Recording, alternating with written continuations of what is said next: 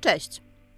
Zaczynamy zupełnie nowy program od Y Do, do Z. Z. To będą rozmowy milenialki, czyli mnie. I Zumerki, czyli mnie, Klementyny Sztuki. Ja jestem Ania Konieczyńska, y, jestem dziennikarką y, Woga. Mam lat, nie powiem ile, bo się nie pyta kobiet o wiek, przynajmniej według zasad z tego starego pokolenia, z którego pochodzę. W każdym razie 35 plus. A ja mogę powiedzieć, nie muszę się przejmować zasadami. Ja mam lat 22. Na jakim etapie życia jesteś, Klementyno?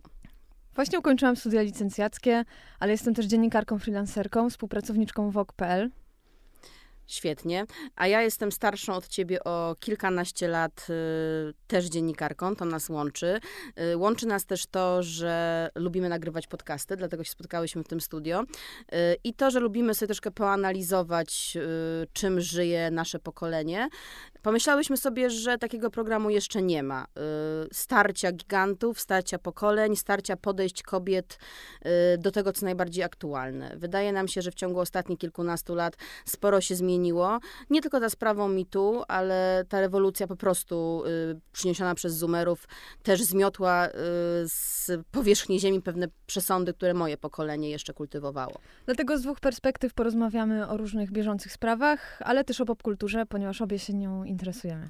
Tak, nawet więcej, nawet myślę, że się absolutnie Zajmujemy. absolutnie zajmujemy i, i jaramy popkulturą i też ona nas y, prowadziła przez okres dojrzewania, przez okres formacyjny, y, więc te klisze, y, którymi siłą rzeczy czasami żyjemy, pochodzą, pochodzą właśnie z popkultury, ale postaramy się, się wejść głęboko, pogadać szczerze, bez ogródek i, i też nie wybielając się za bardzo, bo pewnie każda z nas ma jakieś grzeszki swojego pokolenia za, za uszami i to też chciałybyśmy rozpracować.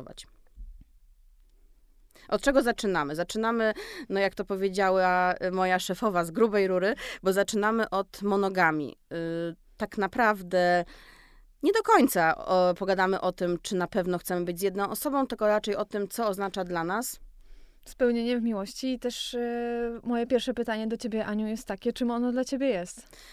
No tak, czyli z grubej rury, tak jak zapowiadałyśmy. Yy, Wiesz co, to jest świetne pytanie, bo zadaję sobie je cały czas i codziennie. Ja w ogóle jestem jakąś taką wyjątkowo yy, romantyczną yy, dziewczyną i to też pewnie ma związek oczywiście z moim, z moim pokoleniem, ale też z jakimś moim osobistym doświadczeniem, z moją osobistą formacją. Więc ja o tej mi- miłości myślę całkiem sporo i myślę, że to spełnienie to jest coś, o co całe życie walczyłam i o to całe życie y, się zmagałam z samą sobą, żeby sobie na nie pozwolić, bo tak mówiąc zupełnie krótko i jako punkt wyjścia do naszej dalszej rozmowy, wydaje mi się, że to jest pogodzenie się ze sobą i dopiero potem otwarcie y, na relacje i takie poczucie absolutnego spokoju, to znaczy takie poczucie, że po długim czasie dryfowania, tonięcia, surfowania docierasz do punktu, w którym jest jakaś oaza. I, I tak jak powiedziałaś, że teraz y, skończyłaś właśnie studia, to przypomniałam sobie ten moment, który absolutnie nie był dla mnie momentem oazy i momentem spełnienia, a, a dzisiaj mogę powiedzieć, że tak jest. Y, Właśnie sobie, sobie urządzam y, nowe mieszkanie, które, które kupiliśmy po to, żeby dzieci małe miały swoje pokoje i mam takie poczucie, że tak, jestem starą babą, ale jest na to gotowa. To ja mogę powiedzieć, że mam trochę podobnie jak ty, aczkolwiek przygotowując się też do tego odcinka, y, przypomniałam sobie o tym, co ja myślałam właśnie i dorastając, mając na przykład 15 lat, ale też i wchodząc w dorosłość później jako na przykład dwudziestolatka i w sumie doszłam do takiego wniosku, że spełnienie w miłości można osiągnąć, myślę, że już trochę nawet wcześniej. I dla mnie mogę mówić, że jestem spełniona wtedy, kiedy jestem w związku z osobą, z którą czuję się w 100% dobrze, z którą dobrze spędzam czas, z którą się przyjaźnię, z którą się dobrze bawię. Mamy podobne wartości i też y, podobne priorytety na danym etapie i nawet jeśli się rozstaniemy, to myślę, że nadal można mówić o spełnieniu. I że można to spełnienie też osiągnąć w kilku związkach i na różnych etapach życia. Tak, to jest, to jest bardzo fajne, żeby sobie nie, nie nakładać takiego filtra na głowę, że musi być tylko jedna miłość. To wtedy chyba się strasznie ograniczamy i strasznie desperacko szukamy tej jednej, jedynej, nie uznając, że właśnie na każdy etap jest, y, jest dobra. Ale, ym, ale powiedz, y, żeby zahaczyć o ten nasz temat wiodący, żeby tak było y, ostrzej, czy monogamia w ogóle jest tematem dla ciebie i dla twoich, dla twoich przyjaciół? Jest, ale myślę, że jest też tematem od niedawna. Dopiero kiedy staliśmy się już trochę starsi, kiedy też y, podkrywaliśmy też swoją tożsamość, swoją seksualność. Mm, mam, mam znajomych, którzy nie żyją w monogamicznych związkach i też w moim otoczeniu ten temat jest normalny. W sensie nikt się raczej nie dziwi, kiedy słyszy, że ktoś żyje na przykład albo w poliamorycznym związku, albo na przykład żyje w otwartym związku, to też jest y, coś zupełnie normalnego. Ważne jest tylko, żeby po prostu ze sobą rozmawiać w relacji, y, żeby się komunikować, no i słuchać i szanować. Czyli żeby była zgoda na każdym tak. etapie tej relacji. No jak ty tak. byś się y, czuła w takim związku? Chciałabyś spróbować, czy zupełnie ci to nie interesuje? Nie, na tym etapie zupełnie nie. Ja w sumie tak jak, trochę podobnie jak myślałam, jak byłam nastolatką, raczej widzę siebie w monogamicznej relacji.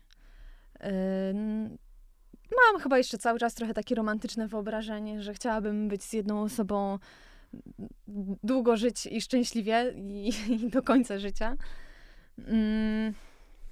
Ale na pewno to, co się zmieniło y, pomiędzy tym, jak, jak myślę, mając ten 22 lata, tak jak powiedziałam, a na przykład 17, to to, że właśnie biorę pod uwagę, że tych związków może być dużo.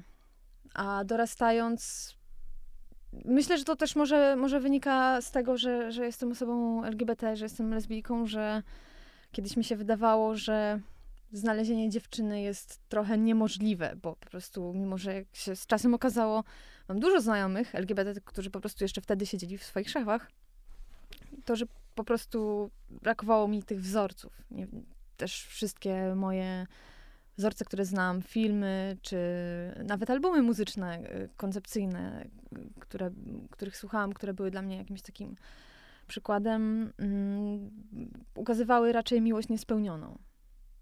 Czyli miałaś takie poczucie, że ta reprezentacja jest y, cząstkowa, znaczy, że pokazuje miłość LGBT, tęczową miłość jako miłość taką skazaną trochę na.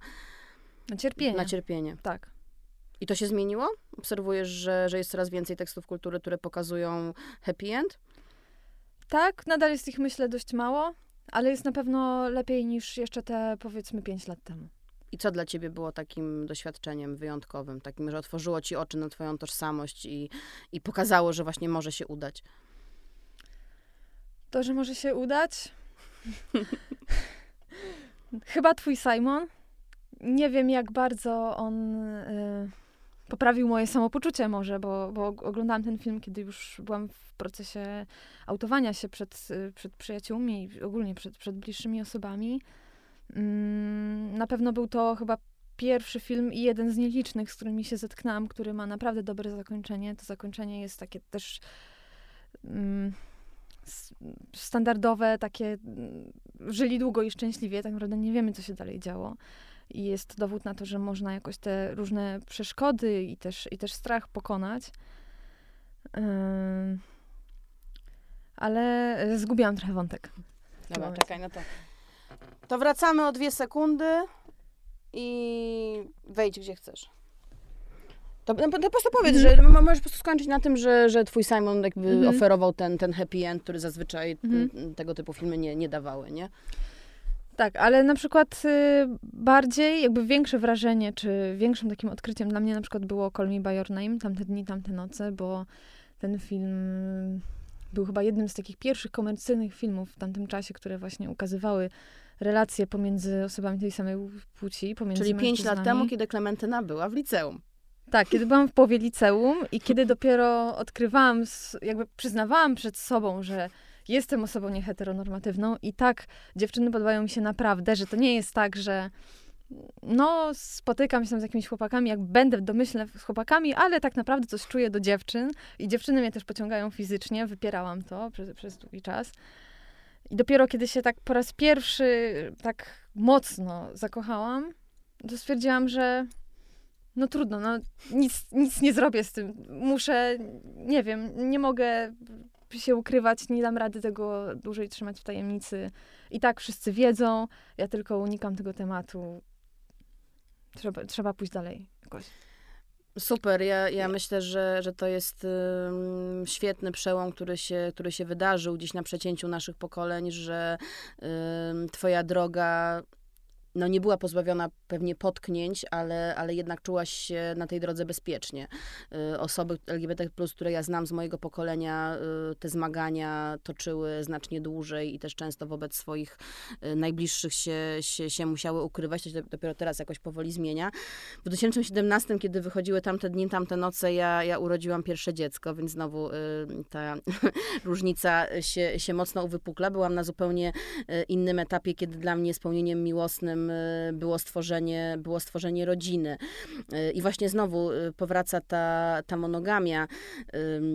Ja nie wiem, czy kiedykolwiek problematyzowałam w ogóle temat monogami, bo wydawało mi się, że po prostu nie istnieje, nie istnieje nic innego i tak mi serwowała popkultura, ale też tak pokazywały mi najbliższe osoby, tak pokazywała mi moja rodzina, że właściwie nie ma możliwości stworzenia innego związku docelowo niż związek monogamiczny, co jest oczywiście ciekawe, ponieważ każdy z nas y, eksperymentował, poszukiwał, y, zdradzał, puszczał kantem, y, wcale nie był taki święty, jak deklarował, ale jednak dążyliśmy do stworzenia tego takiego jednego, głównego związku, który miał być punktem odniesienia, co oczywiście jest no, sprzeczne ze statystykami, bo przygotowując się do programu, trochę sobie poczytałyśmy y, o tym, co deklarują Polacy odnośnie swojej wierności i okazało się, że w badaniach sprzed kilku lat y, CBOS-u y, prawie 40% zdradza.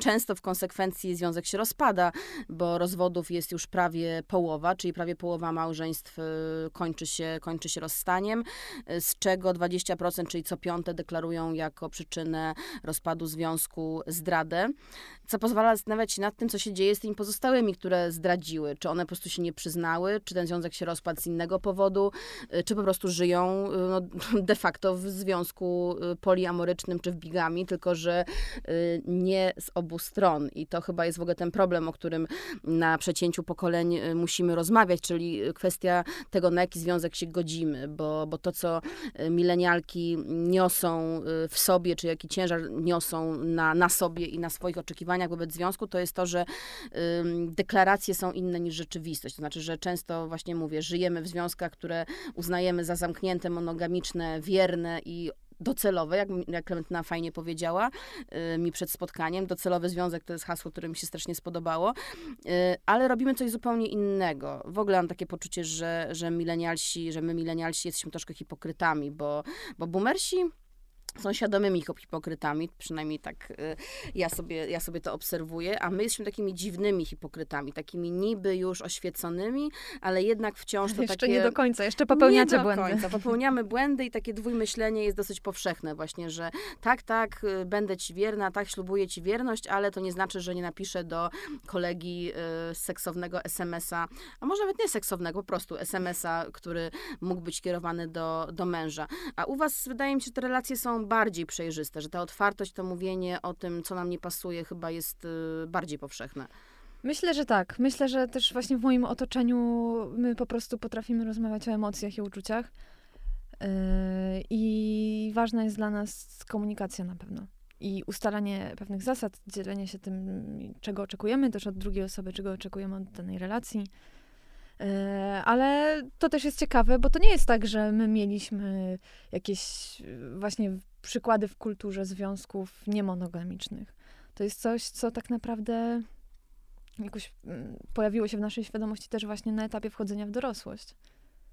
A co daje taki związek? Co może dawać taki związek, czego, czego nie daje y, relacja dwojga osób? No bo też rozmawiałyśmy o tym w kuluarach, y, że jakkolwiek na przykład ja zupełnie nie byłabym gotowa na, y, na taką relację, y, to rozumiem y, jej istotność, rozumiem też jej taką jakąś nośność czy, czy, czy, czy siłę, bo, bo tak sobie pomyślałam, że y, w dobie rozpadu rodzin, właśnie w dobie rozwodów, w dobie tego, że monogamia właściwie nie zdaje egzaminu, a rodzina rodziny powstają, no to taki związek poliamoryczny, czy też taki w ogóle związek wieloosobowy na różnych zasadach mógłby sprawdzić się jako alternatywa dla rodziny. I tak są patchworkowe rodziny po rozwodach i po rozstaniach, a taka y, relacja poliamoryczna w jakimś sensie to jest taka rodzina patchworkowa, bo nie każdego z każdym musi łączyć relacja y, natury erotycznej, może to być po prostu taka wzajemna trochę grupa wsparcia, takie wspólne życie, taka komuna, y, a jak wiadomo, dzieciaki są super szczęśliwe w takich trochę chaotycznych i, i pełnych domach, pełnej chacie. Co daje, to jest mi trudno powiedzieć. Nie będąc w takiej relacji, nie chcę się też jakoś tak. Yy, mogę się jedynie opierać na tym, co, co mówią moi znajomi, ale też każda taka relacja jest inna. Yy, I nie wiem. Myślę, że myślę, że to zależy też od, od naszych potrzeb i od, od tej drugiej osoby, czy trzeciej, z którą się wiążemy. No bo mówisz też y, o tym y, takim bardzo ważnym słowie, czyli zgoda, consent, y, to o czym rozmawiamy nieprzerwanie od, od mitu, coś co dla, dla was, pokolenia TikToka, żeby już nie używać słowa zoomers znowu, a generacja Z chyba nie mówimy od czasu wybuchu wojny, więc mówmy pokolenie TikToka albo zoomersi, że wydaje mi się, że, że u was to jest coś, co, co już mm, przychodzi naturalnie, co jest internalizowane, ten, ten consent i ta zgoda, to ustalanie reguł, bo mm, no nie dość, że, że w związkach y, milenialek czy milenialsów y, nie ma tego na poziomie, na poziomie seksualności i że doświadczenie wielu moich koleżanek, y, ale również moje jest takie, że nawet jeżeli nie doznałyśmy molestowania seksualnego, no to czujemy, że w wielu sytuacjach w naszym życiu pewne granice były przekroczone, y, czy przez naszych partnerów y, stałych, czy przez partnerów przygodnych, ale w każdym razie, że to mówienie nie do, do niedawna y, było takie no-no, znaczy nie, mówiłyśmy nie, mm. mówieniu nie i że ten konsent, który wy macie bardzo silnie wypracowany i że wchodzicie w każdą relację z silną waszą niezgodą na przekraczanie granic jest, jest super zdobyczą. Tak, to jest dla mnie przerażające, że może być inaczej, że można się nie zapytać kogoś o to, czy chce uprawiać seks, jakby czego też potrzebuje i wydaje mi się, że my też y, na pewno częściej i też śmielej rozmawiamy o tym, czego oczekujemy też właśnie w relacji seksualnej i czego potrzebujemy. I oczywiście nie jest to może jakieś takie super proste, i, mm, ale chyba, na, chyba też lepiej nam to wychodzi. Tak, i Mogę to jest, taką e, tezę. to jest absolutnie coś, czego, czego, czego zazdroszczę, czy czego zazdrościmy, bo tutaj jakby się zapatają różne rzeczy, znaczy tą, tą, ten konsent i, i, i to, że no, zwłaszcza mężczyźni w naszym pokoleniu jeszcze nie do końca chwytają, o co tutaj chodzi. E, po drugie właśnie sposób rozmowy o seksie, język do rozmowy o, o seksie. Po trzecie poczucie własnego ciała, czy poczucie pewności siebie wynikającej z ciała. No i jeszcze znowu jakby mm, to, że milenialsi czasami uznają, że, że seks i związek gdzieś się rozjeżdżają. Znaczy, że można mieć kogoś od seksu, a można mieć kogoś od związku. I, i znam sporo osób. Y, ja też miałam taki moment w moim życiu, y, kiedy to się rozjechało i kiedy, kiedy jakby się funkcjonowało tak naprawdę równoległe y, w dwóch lub kilku związkach, bo jeden związek nie spełniał tych, tych oczekiwań. I znowu, wydaje mi się, że to wynika z braku otwartości w rozmowie.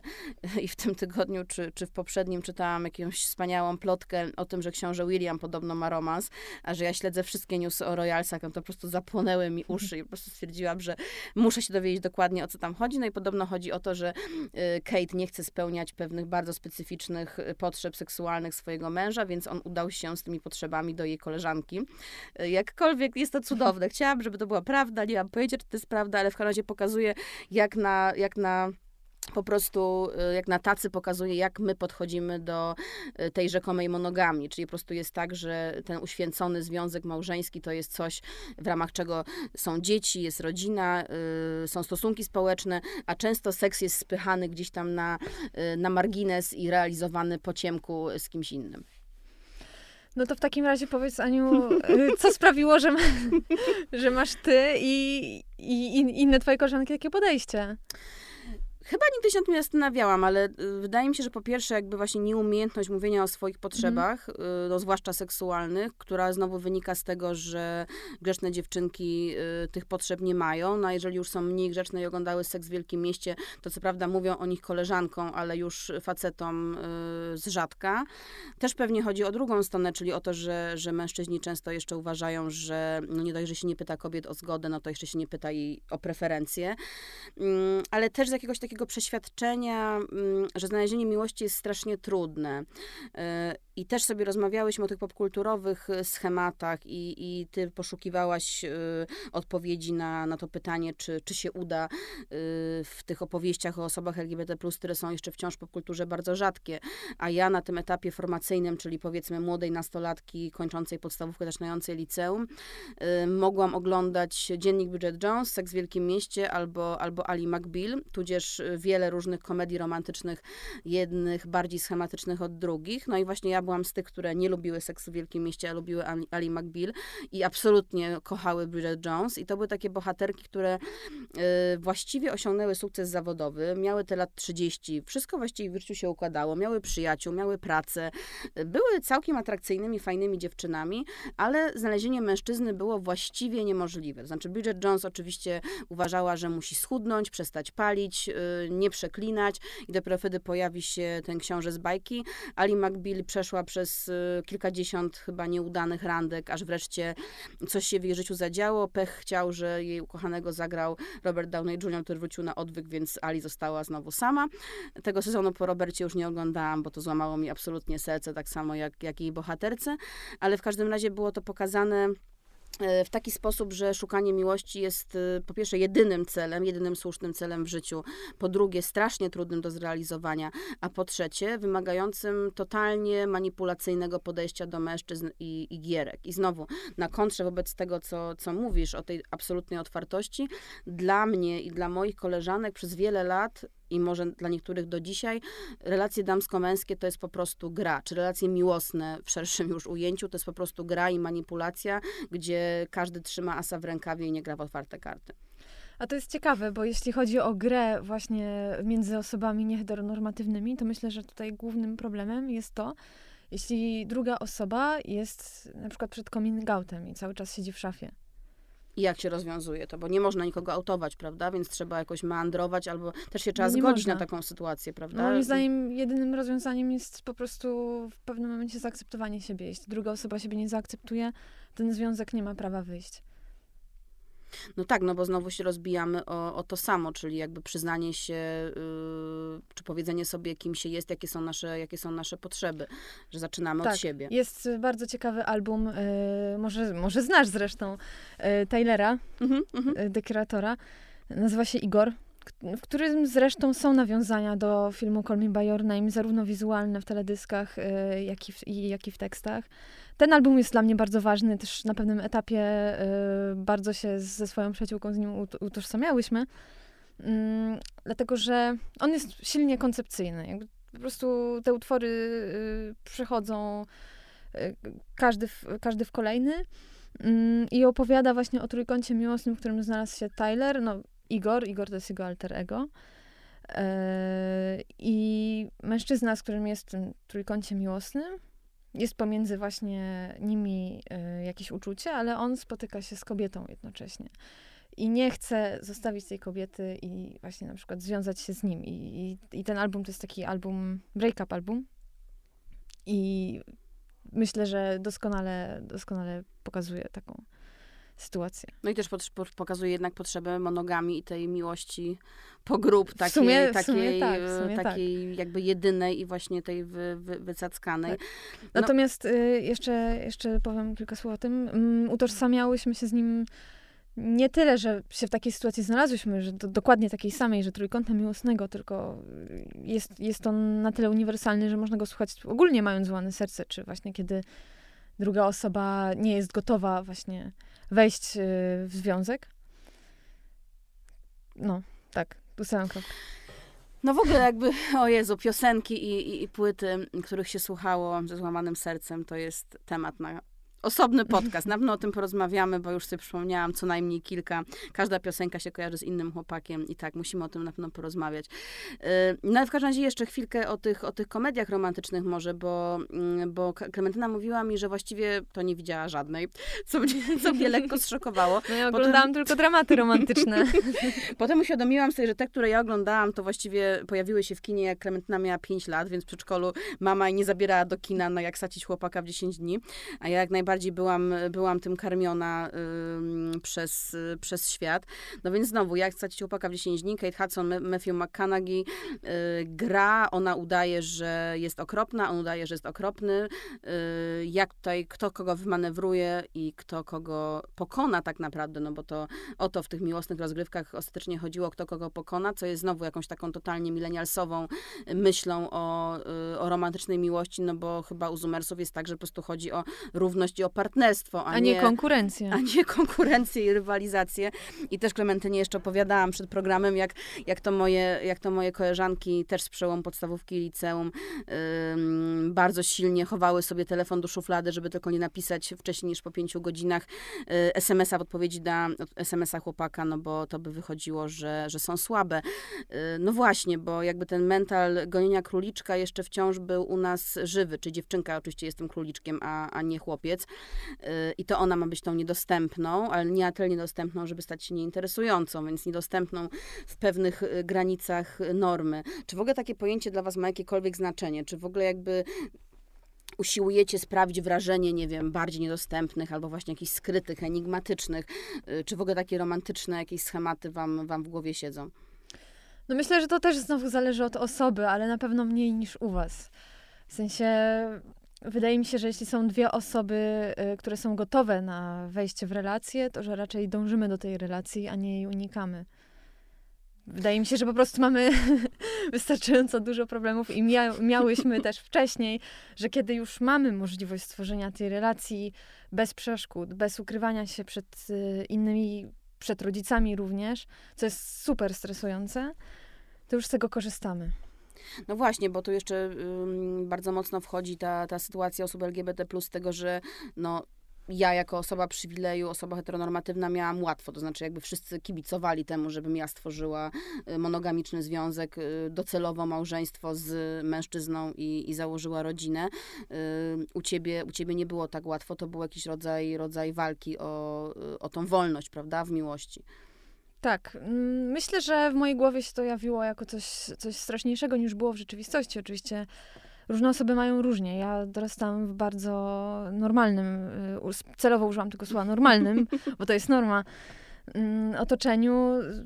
Zarówno jeśli chodzi o moich przyjaciół, to w szczególności rodzinę też, powiedzmy. Mm, ale, ale bardzo się mimo wszystko bałam tego, tego braku akceptacji. Teraz po czasie sobie myślę, że po prostu ja siebie nie akceptowałam, mimo że wtedy już też miałam jakichś pojedynczych znajomych LGBT i dla mnie to było normalne. Nie dziwiłam się, kiedy, nie wiem, ktoś właśnie postanowił powiedzieć, że, że tak, że on jest na przykład osobą homoseksualną czy biseksualną. To jakoś bardzo bałam się na przykład tego, że zaczną mnie inaczej postrzegać że na przykład moje koleżanki, to brzmi teraz bardzo śmiesznie, ale w pewnym sensie będą miały jakiś dystans wobec mnie, będą się w cudzysłowie mnie bały. E, bałam się zmiany i właśnie swojej osoby i tego, jak jestem postrzegana. Mm, no ale prawda jest taka, że, że wszyscy się domyślali, wszyscy wiedzieli, ja po prostu unikałam tego tematu i kiedy właśnie stop, stopniowo zaczęłam rozmawiać o tym ze znajomymi. Też niektórzy moi przyjaciele w podobnym czasie też zaczęli rozmawiać o sobie ze mną. To nie wiem, okazało się, że czujemy się znacznie lepiej, że w końcu ten temat y, w ogóle zakochania się pojawił, bo to też teraz jest dla mnie śmieszne, kiedy o tym sobie myślę, ale miałam na przykład kilku najlepszych y, przyjaciół, z którymi w ogóle nie rozmawialiśmy o naszych uczuciach. I to nie było tak, że mieliśmy na przykład 16 czy 17 lat i nikt nam się jakimś cudem nie przez spodobał. ten czas nie mhm. spodobał. Wręcz przeciwnie, byłyśmy na przykład super zakochane w jakiejś innej dziewczynie, ale wstydziłyśmy się o tym rozmawiać. Przez to mam, mam na przykład poczucie, że mm, no staram się tak nie myśleć, ale że, że część życia w jakiś sposób mi może nie tyle co u, mhm. uciekła, ale że gdybyśmy nie musiały się ukrywać, znaczy nie musiałyśmy, ale gdybyśmy się nie ukrywały i gdybyśmy się nie bały, to być może nie wiem, nie wiem czy, czy byśmy przeżyły więcej, ale na pewno zaoszczędziłybyśmy swoich nerwów i mniej byśmy się stresowały, bo to było bardzo wykańczające emocjonalnie. Ja odwrotnie, mam poczucie, że za dużo się nagadałam w życiu o chłopakach i że to był wiodący temat przez cały okres dojrzewania i całe moje lata dwudzieste yy, i że wiele z tych rozmów chciałabym wykasować i przeprosić moje przyjaciółki za to, jak bardzo je męczyłam moimi opowieściami o toksycznej miłości, yy, ale też oczywiście one yy, odwzajemniały te historie i dalej trochę tak jest. To znaczy teraz y, większość moich przyjaciółek jest w statecznych związkach, takich y, lub innych. Niektóre już po rozwodzie, niektóre po pewnych y, przełomach. Wiele z nich ma dzieci, więc teraz częściej rozmawiamy o, hmm, o przedszkolu niż o tym, czy, mhm. czy mąż daje radę w sypialni. Ale hmm, teraz tak, teraz czasami tęsknię za tymi rozmowami, które miałyśmy kiedyś. Ale nieważne. No w każdym razie dużo się wciąż gada o, o mężczyznach. Mało się gada o relacjach między kobietami, mm, relacjach przyjacielskich, co zawsze mnie trochę dziwiło, ponieważ ten nacisk był kładziony, no właśnie w moim pokoleniu, na tą relację miłosną. I tak naprawdę, jak sobie myślę o, o swoim życiu, to, to bardzo kocham moich przyjaciół i, i nie mogę bez nich żyć, ale poświęcałam zawsze większość uwagi, większość emocji, większość rozmów y, relacjom z, z facetami, co uważam dzisiaj za, za, pewne, za pewne zachwianie. Czy to mnie doprowadziło do dobrego, do dobrego celu? No, tak, mam męża, jestem, jestem szczęśliwą mężatką, mam, mam rodzinę i tak, uważam, że to jest jakiś moment, y, który chciałam osiągnąć, ale, ale znowu, czy powinnam się była tak dużo zajmować chłopakami? Pewnie nie. Pewnie jest to patriarchalne. Nie wiem, wtedy miałaś taką potrzebę, więc myślę, że, że nie można tego, wiesz, zanegować, skrytykować. No ale pewnie, pewnie to wynikało z tego, że, że zostały nam, zostało nam powiedziane, że, że jest to jedyny, jedyny możliwy scenariusz do zrealizowania i, i że jeżeli będziemy y, samotne, no to, no to się nie spełnimy, czy, czy będziemy gdzieś tam starymi pannami. Oczywiście stare panny to jest pojęcie z pokolenia jeszcze wcześniejszego, u nas się już mówiło, singielki, mówi się singielki, ale jak sobie myślę, to singielka to fajnie jak ma 20 lat, ale jak ma 40, to już taka raczej, no taka, no Samodzielna kobieta, no samodzielna. Mhm. Hmm. I mówiłam też Klementynie jeszcze przed wejściem do studia, że u mnie się wszystko zmieniło, kiedy, kiedy miałam 29-30 lat, że e, gdy byłam e, w wieku mojej, mojej partnerki ze studia, e, zupełnie nie myślałam w takich kategoriach jak ślub, jak rodzina, jak dzieci. To się pojawiło właśnie bliżej trzydziestki. I o dziwo Klementyna powiedziała, że ślub to jest temat, który jest dla niej jakoś ważny. Tak, jest dla mnie ważny właśnie postawiłam też taką tezę, w sumie jak rozmawiałyśmy wtedy, że e, dlatego, że ślub jest pewnym przywilejem i kiedy właśnie będąc e, w związku z dziewczyną nie możemy wziąć ślubu, który będzie ważny właśnie w Polsce, w której chcemy zostać, to y, fajne byłoby, gdyby właśnie na pewnym etapie, jakby w tym momencie wierzę, że taki etap przychodzi, kiedy właśnie jestem, mam już takie stabilne życie, stałe, że, że to jest to, właśnie tak jak też użyłam wcześniej tego słowa, docelowe moje życie, że chciałabym w jakiś sposób przypieczętować ten związek. Tak bardzo symbolicznie, właśnie zrobić na przykład imprezę dla, dla przyjaciół, yy, czy ogólnie dla, dla najbliższych osób i tak sobie powiedzmy potwierdzić, że tak, że oto jesteśmy swoimi docelowymi osobami, chcemy żyć razem długo i szczęśliwie. Mm, ale mając cały czas z tyłu głowy, że, że to nie musi być miłość na całe życie i że to też będzie ok. A zaakceptowałabyś zdradę? Nie. Jesteś pewna? Jestem pewna.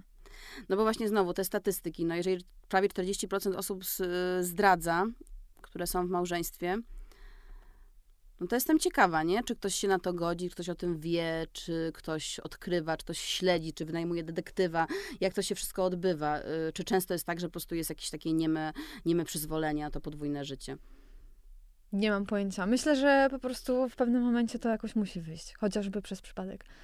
Ja myślę, że y, jeśli czujemy, że w danym, dany związek już się wypalił albo może przestał działać na pewnym etapie, to że po prostu najlepiej byłoby w idealnym świecie postawić sprawę uczciwie i po prostu się rozejść. I wiadomo, że będzie to bolesne, ale mm, jakby wydaje mi się, że no i ja i moi znajomi osoby, osoby z mojego pokolenia uważamy, że po prostu nie trzeba tkwić w czymś, co nie daje nam szczęścia. Właśnie. I to jest chyba to, do czego też chciałam dojść. Klementyna mnie tutaj uprzedziła, y, że chyba to jest ta kluczowa różnica, bo wydaje mi się, że, że my, milenialsi, jeszcze wciąż y, tkwimy w nieszczęśliwych związkach w imię tego, że przysięgaliśmy przed ołtarzem albo przed urzędnikiem, w imię tego, co rodzice powiedzą, co znajomi powiedzą, w imię tego, że po prostu tak się przyzwyczailiśmy. Bo widzisz, dla mnie na przykład wstydem nie byłoby być starą panną. Ja bym nie chciała być, ja bym nie chciała być sama w wieku 40 lat ze względu na to, że po prostu byłabym samotna. W sensie chyba, że, miała, chyba, że miałabym przyjaciół i, i tak dalej, ale że, że samotność to jest to, czego ja się najbardziej boję na, Wybacz, starość. tak, właściwie możemy, możemy zakończyć program, już wszystko zostało powiedziane, tak. Wkraczam w smugę cienia. rozumiem, rozumiem. Ale, y, że... I, I, zgubiłam się trochę. Że przyjęłabyś, znaczy nie, nie, nie robiłaś niczego, tak, nie, nie byłabyś tak. w związku na siłę. Tak, że oczywiście mhm. dla mnie je, związek jest ważny, dlatego że, że dla mnie to spełnienie w miłości jest też częścią życiowego spełnienia i yy, dla mnie bycie z drugą, tą jedną, jedyną osobą jest super ważne. Mm, dałoby mi, myślę, że poczucie bezpieczeństwa daje też, też w tym momencie, w związku, w którym ja jestem obecnie. I też nie wiem, ja, ja podchodzę do związków tak, że, że twoja osoba partnerska jest twoją, powinna być twoją najlepszą przyjaciółką musisz z nią dobrze spędzać czas, musicie potrafić ze sobą rozmawiać. Nawet jeśli się kłócicie, to też musicie się potrafić kłócić. No i też codziennie budzicie z takim tak. poczuciem, że to jest właściwe. Tak. My tak też sobie zawsze z mężem mówimy, że któregoś dnia się obudzimy i stwierdzimy, że to nie gra, to po prostu nie będzie grało, że jesteśmy tyle samoświadomi, że nie będziemy tego przeciągać w nieskończoność, jeżeli nie taka była nasza droga y, nam pisana, ale też y, jesteśmy w takim wieku, że mamy świadomość, że fundujemy sobie dużo wrażeń po to, żeby ten związek nie, nie stał się, znaczy nie był nudny i nie było w nim stagnacji, a, a dzianie się w postaci właśnie przeprowadzki, czy w postaci, postaci dzieci, w postaci psa.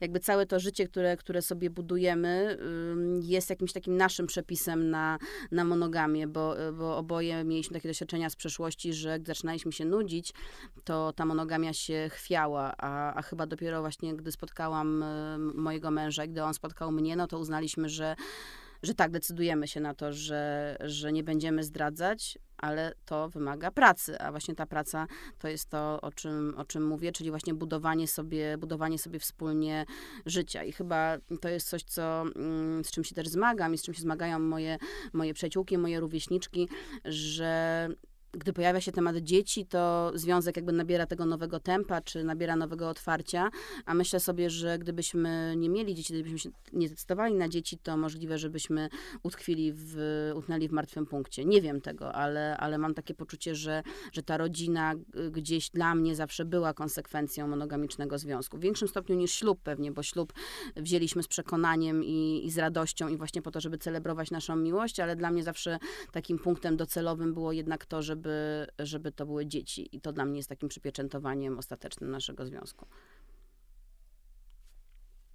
Tak, myślę, że na ten temat jeszcze, jeszcze będziemy rozmawiać w kolejnych odcinkach. Bo jest bo... to temat mocno kontrowersyjny dla was, bo, bo dla nas właśnie znowu, dla, dla milenialsów yy, już nie, czy już powoli nie, dla was tak.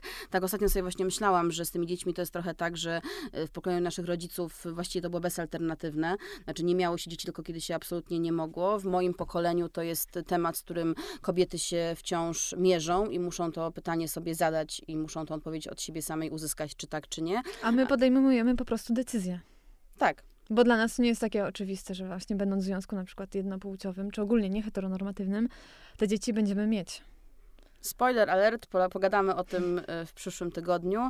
E, na razie temat monogamia, nierozstrzygnięty, no bo my z Klementyną obie okazało się, że żyjemy i chcemy Dość żyć... podobnie, tak, ale jednak inaczej. W monogamicznych związkach, a jednak inaczej. E, do usłyszenia było nam bardzo miło, od Y do Z, Klementyna Szczuka, mileniarka, mileniarka. Klementyna Szczuka, Zumerka. I Ania Konieczyńska, mileniarka. Na razie. Cześć.